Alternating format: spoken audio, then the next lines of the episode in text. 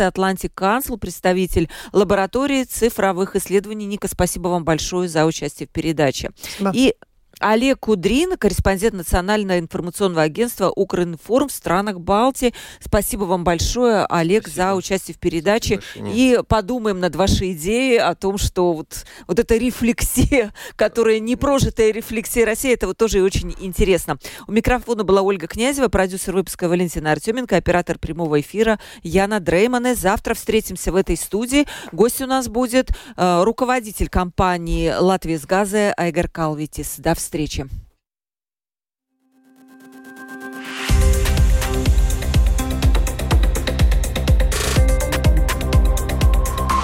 Открытый разговор. Площадка для обмена мнениями по самым важным темам с Ольгой Князевой на Латвийском радио 4.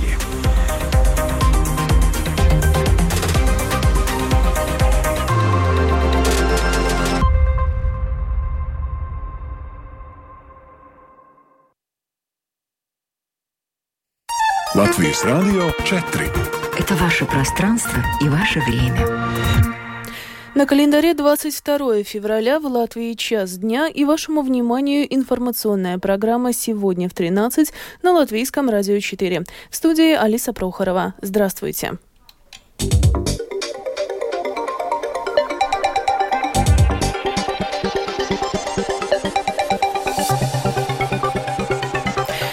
Этом выпуске президент США проведет в Варшаве встречу с лидерами Бухарестской девятки.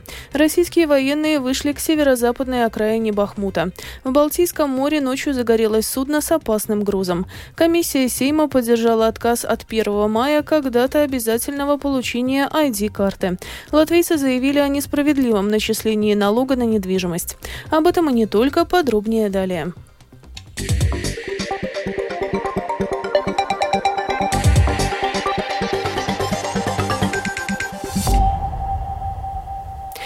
Американский лидер Джо Байден сегодня проведет в Варшаве встречи с лидерами Бухарестской девятки, в том числе с президентом Латвии Эгилсом Левицем. Также в переговорах примет участие генеральный секретарь НАТО Йенс Столтенберг. Главной темой встречи станет безопасность Европы и дальнейшая помощь Украине. В Варшаве сейчас находится наш корреспондент Артем Конохов. Подробнее о сегодняшней встрече в его материале. Главная цель сегодняшней встречи президента США Джо Байдена с лидерами девяти стран нашего региона – послать политический сигнал о том, что Соединенные Штаты будут и впредь заботиться о безопасности стран Балтии, а также Восточной и Центральной Европы. Немаловажно и то, что эта встреча проходит почти накануне первой годовщины войны в Украине – это показывает, что Байден хочет уделить особое внимание именно безопасности стран Балтии, а также Центральной и Восточной Европы, так как многие из государств нашего региона находятся по соседству или с Россией, или с Украиной. Поэтому уровень нашей обеспокоенности о своей безопасности, а также озабоченности тем, что происходит в Украине, сильно отличается от того, как себя чувствуют жители, например, Бельгии или Португалии, поскольку эти страны расположены в другой части Европы.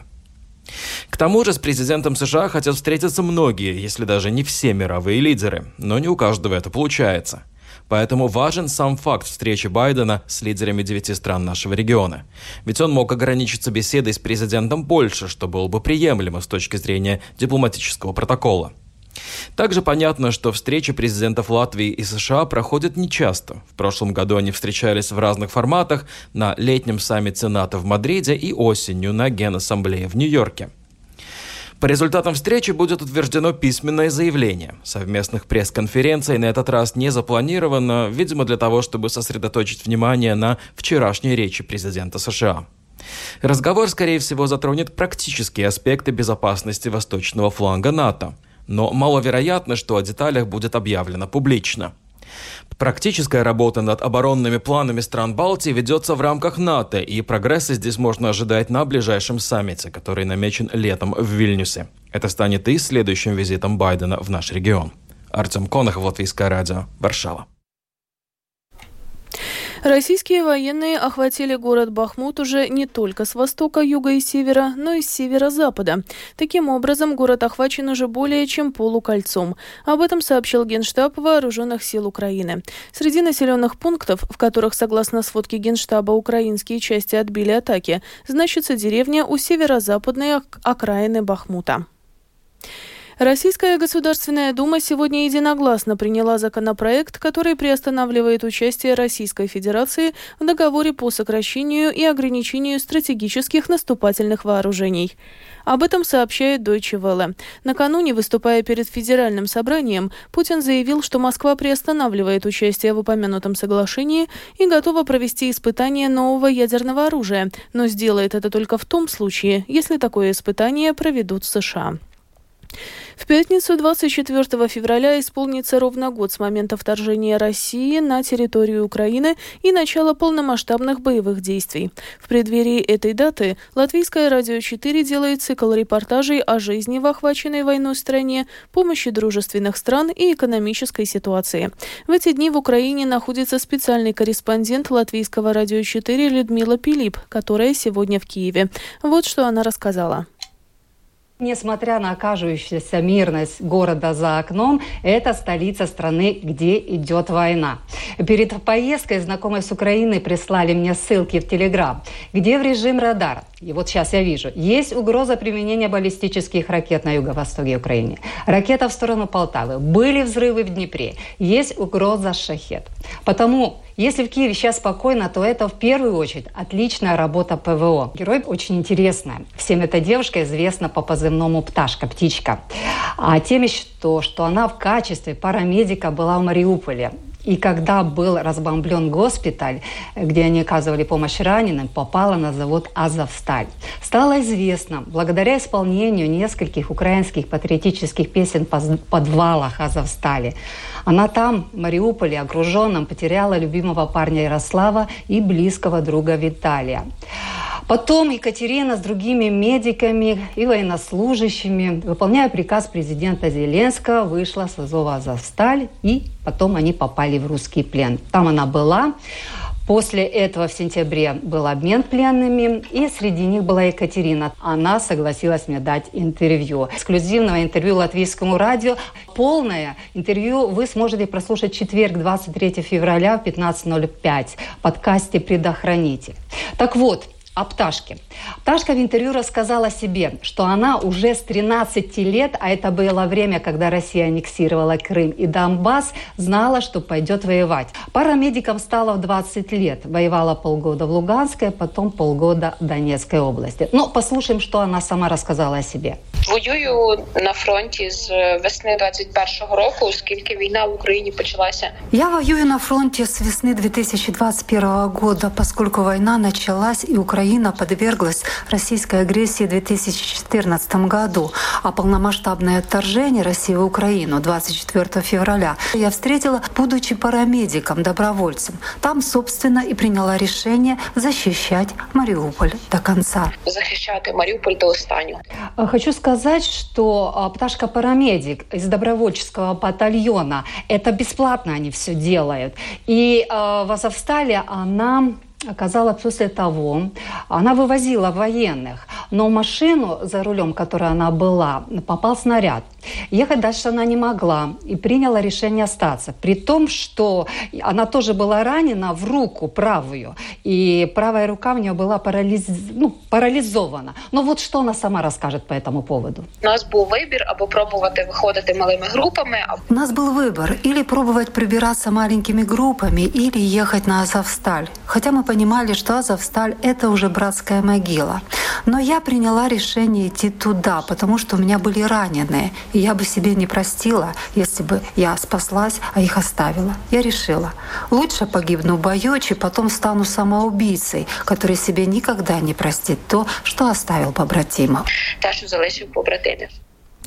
Общественное движение «Сила народа» внесло в грузинский парламент законопроект о прозрачности иностранного влияния.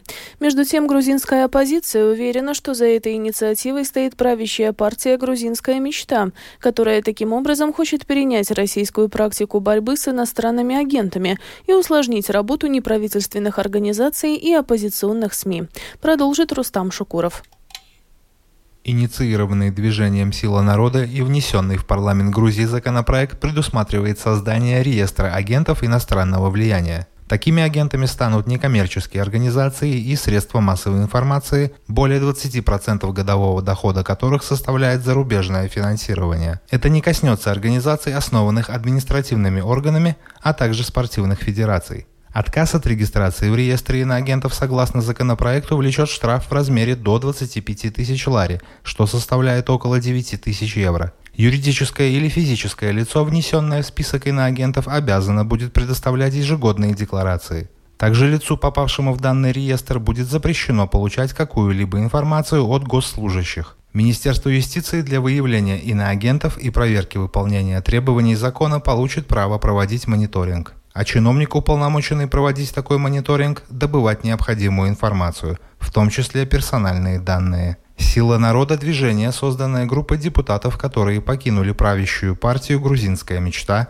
но при этом поддерживают правительство. Многие критики властей и аналитики считают движение антизападным проектом и крылом правящей партии. Такой же позиции придерживается бывший посол Грузии в Евросоюз Саломе Самадашвили. В интервью украинскому телевизионному проекту Freedom Самадашвили отметила, что правящие в Грузии силы ставят под удар евроинтеграцию страны. Да, ну, э, э, в принципе, вы понимаете, что э, вот такой политической силы, как э, там сила народа, на самом деле не существует. Да? То есть это, э, можно сказать, что то же самое, что грузинская мечта. И, видимо, э, правящая партия решила э, еще один раз показать Западу, что они на самом деле вот, принесли, а, они внесли а, аппликацию насчет того, что Грузия должна получить а, статус члена кандидата, кандидата, то есть кандидата в Евросоюз, но на самом деле они делают все наоборот то есть делают все, что может нам помешать а, в том, чтобы мы получили этот статус. Профессор Парижского института политических наук и бывший министр по евроатлантической интеграции Торники Гордадзе считает, что грузинское правительство видит Запад геополитически слабым и поэтому осмеливается его шантажировать. По мнению Гордадзе, вне зависимости от того, будет этот законопроект принят или нет, само обсуждение говорит о том, что для партии «Грузинская мечта» евроатлантическая интеграция менее важна, чем сохранение власти. Рустам Шукуров, служба новостей Латвийского радио.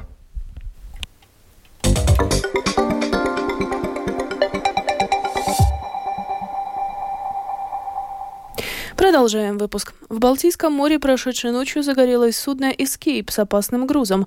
Центр поиска и спасения на море получил информацию о пожаре после двух часов ночи. Вскоре после этого с судна были эвакуированы 15 членов экипажа. После пожара судно дрейфовало в направлении западного побережья Рижского залива, но сейчас оно уже взято на буксир и его перемещение контролируется. Подробнее о текущем состоянии плавсредства рассказал начальник Центра поиска и спасения на море Петерис Субота. Насколько мы видели фотографии, корабль находится в относительно хорошем состоянии. Но какое может быть после пожара? Груз не пострадал. То, что мы видим, это следы горения или копоти на корпусе корабля, из чего можно сделать вывод, что огонь пытался вырваться либо через вентиляционные шахты, либо через дымовые трубы, но, к счастью, не поджег сам корпус и потух естественным путем. Комиссия Сейма по госуправлению и делам самоуправления сегодня поддержала поправки к закону, согласно которым планируется отказаться от 1 мая как дата обязательного получения удостоверения личности или ID-карты. Предполагается, что для лиц, которым до 30 апреля этого года выдан только паспорт, ID-карта станет обязательной после истечения срока действия паспорта.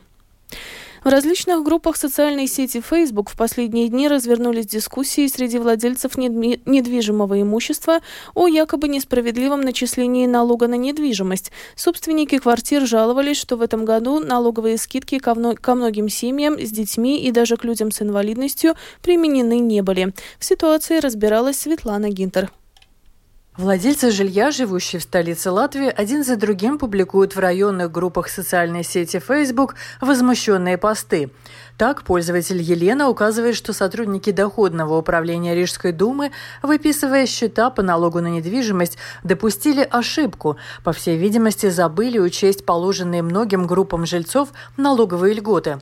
Начальник доходного управления столичного муниципалитета Илмарс Зедонис поясняет. Nē, nu kļūda nekāda nav. Saistošie noteikumi, kas stājās spēkā Никакой ошибки здесь нет. Соответствующие правила, которые вступили в силу с 1 января этого года, предусматривают, что впредь для получения налоговых льгот при уплате налога на недвижимость владелец собственности должен указать свою электронную почту или электронный адрес для дальнейшей коммуникации с рижским самоуправлением.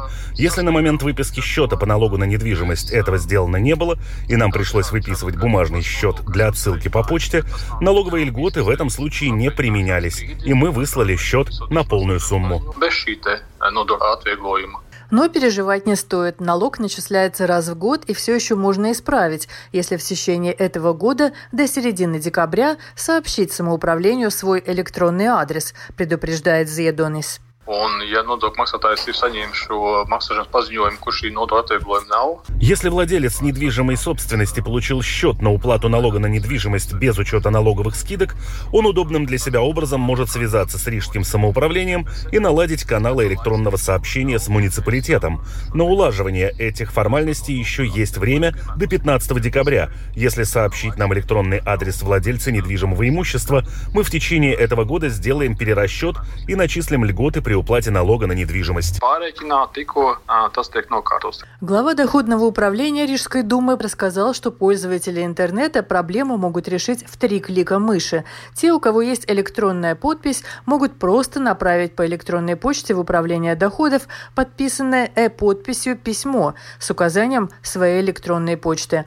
Следует зайти в eriga.lv, далее выбрать раздел «Некустемо и пашуму нодоклис» налог на недвижимое имущество, затем выбрать «Эдок Иесниегумс» заявление в электронном виде, после чего ввести свою электронную почту. И на следующий же день придет новый счет, откорректированный с учетом налоговой скидки. Можно это сделать и на портале latvia.lv, авторизовавшись через интернет-банк и Smart ID. Можно отправить в Доходное управление Рижской думы и обычное письмо или принести его лично по адресу Терезес 5, указав в нем адрес своей электронной почты.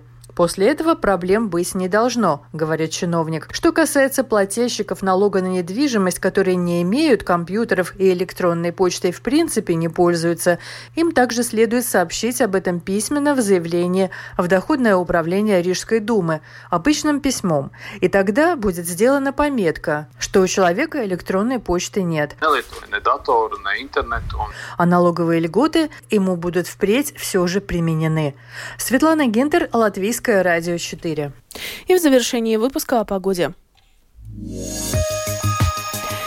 Этой ночью в Латвии переменная облачность, завтра облачно, на востоке с прояснениями. Ночью без осадков, а днем в Курзама небольшой снег. Слабый ветер ночью, днем южный 3,8 метров в секунду. Температура воздуха ночью по стране от минус 6 до 11, на востоке до минус 18, местами при ясном небе до минус 24 градусов. Днем температура воздуха составит от плюс 1 до минус 2 градусов, на востоке до минус 6. В Риге ночью переменная облачность, днем пасмурно, без осадков, слабый ветер. Температура воздуха ночью в столице до минус 10 градусов, днем от 0 до минус 2. Медицинский тип погоды второй, благоприятный.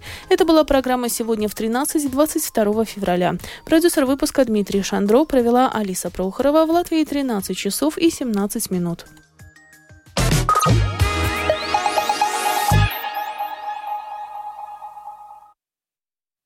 Продолжение дневной программы Латвийского радио 4 ретрансляция передачи «Радио Свобода» из Праги.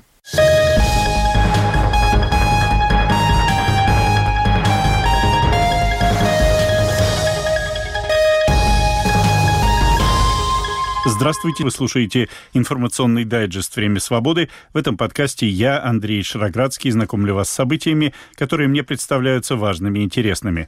Мы предлагаем информацию об этих событиях, мнения их участников и экспертов. Выводы вы делаете сами. Сегодня в выпуске. Президент США Джо Байден побывал с визитом в Киеве, объявил о новых программах военной помощи Украине от Соединенных Штатов и их союзников – Угрожает ли американскому доллару крах, если демократы и республиканцы в Конгрессе не договорятся о потолке государственного долга? Война в Украине – одна из главных тем открывшегося в Берлине международного кинофестиваля. Также сегодня что произойдет, если Украина согласится на территориальные претензии э, Путина? Украина восстанет, а Путин этим воспользуется. И он это прекрасно знает. Участники Мюнхенской конференции по безопасности обсуждали, можно ли вести диалог с режимом Владимира Путина. Событием дня, безусловно, стал визит, который президент США Джо Байден нанес в Киев. О визите заранее не сообщалось. Было известно, что Байден должен прибыть в Польшу. Вскоре факт визита был подтвержден официально. Вот что после переговоров с Байденом сказал, в частности, Владимир Зеленский.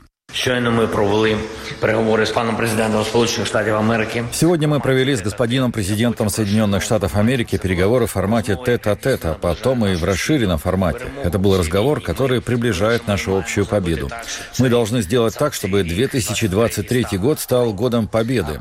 Я хочу подчеркнуть, что это не спровоцированная преступная российская война против Украины, всей Европы и демократических стран должна закончиться очищением всей украинской земли от российской оккупации оккупації і твердими гарантиями долгосрочной безопасности. Гарантиями довготривалої безпеки.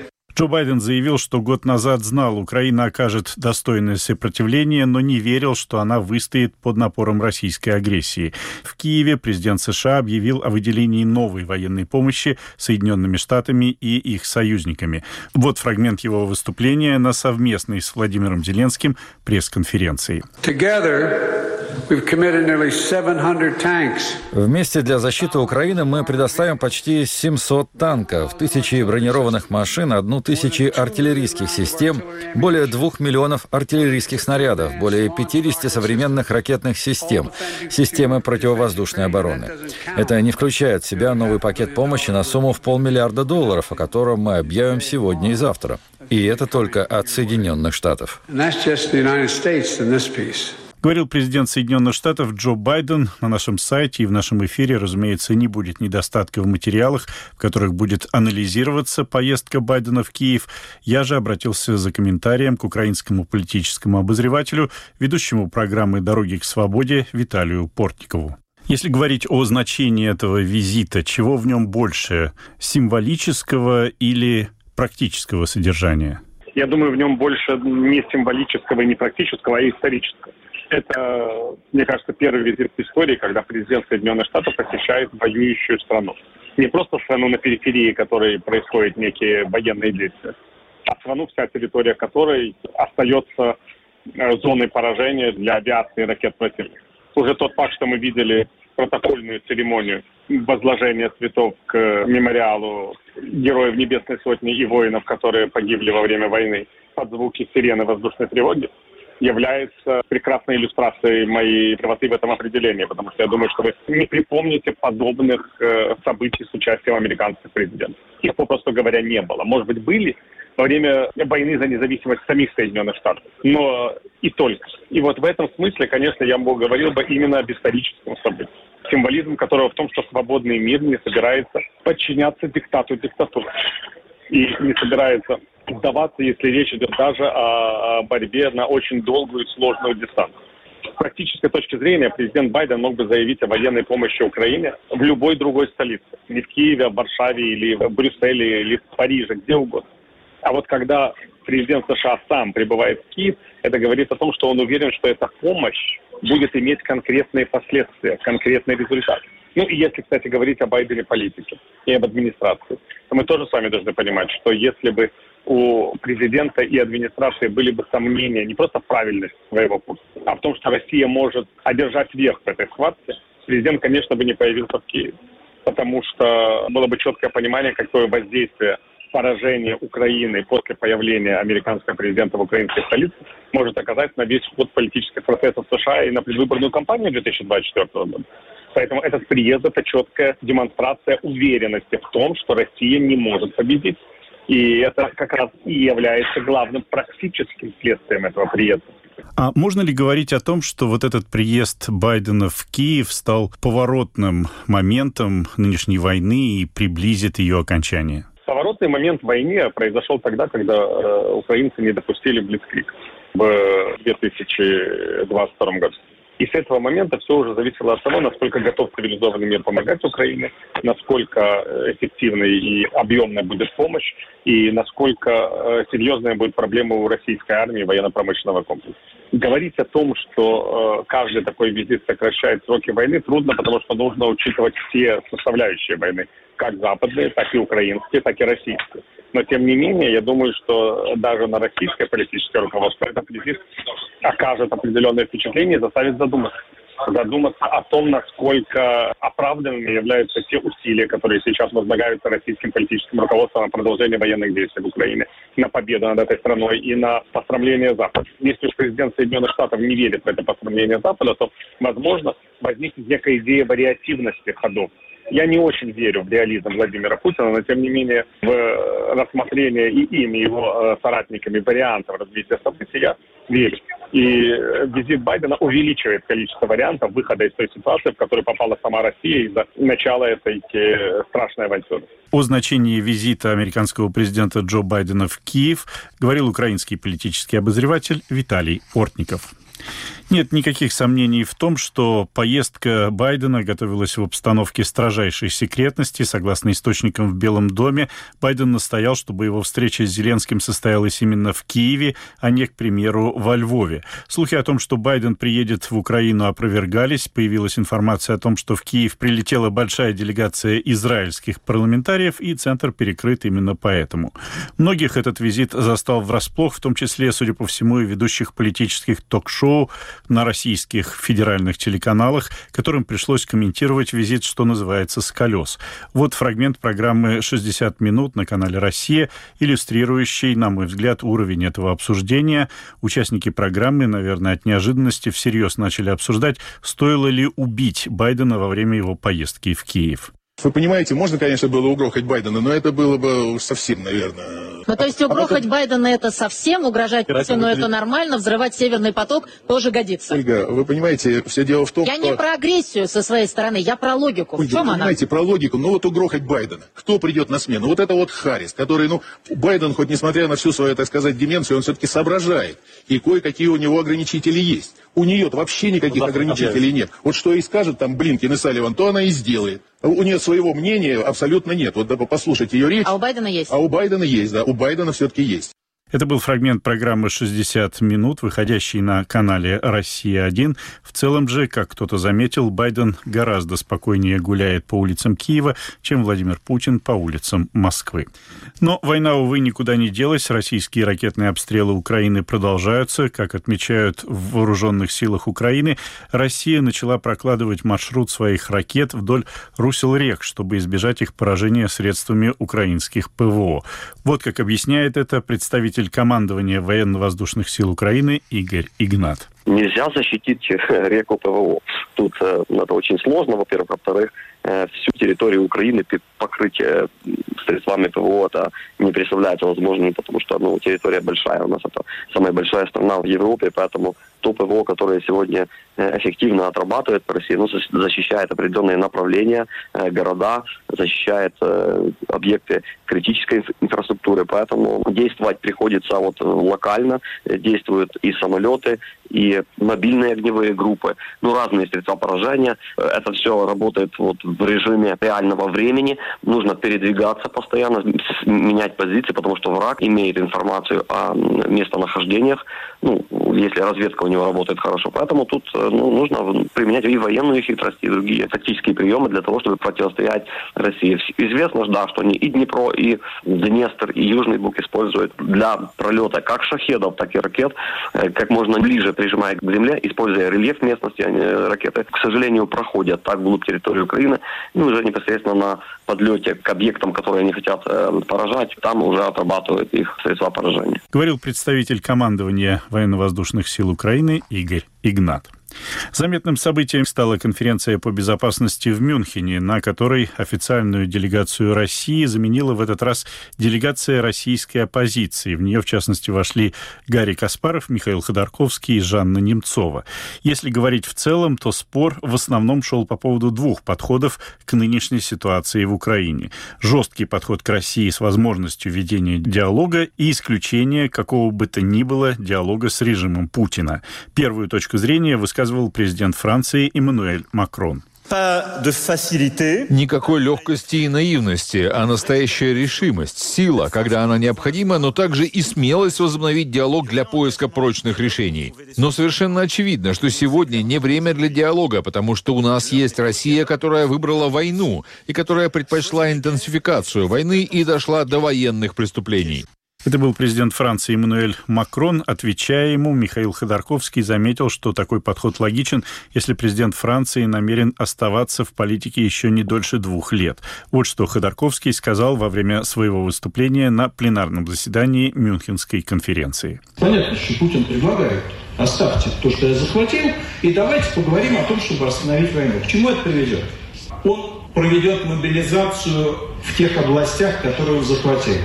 Там по 5 миллионов человек, мобилизационный потенциал 1300-500.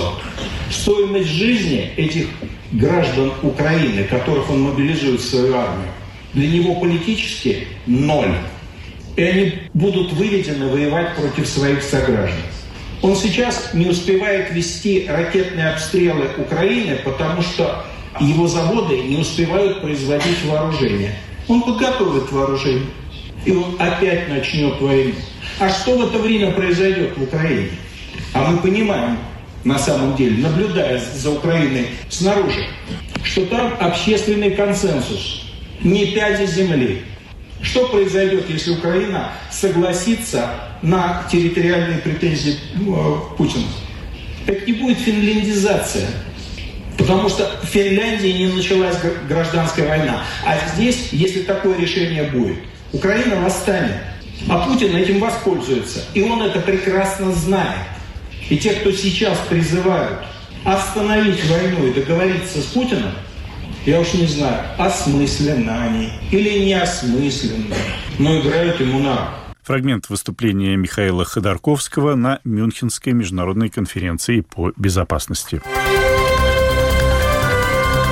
Вы слушаете информационный дайджест «Время свободы». Тема этого выпуска представляю я, Андрей Шароградский. Состоявшиеся переговоры в Москве Владимира Путина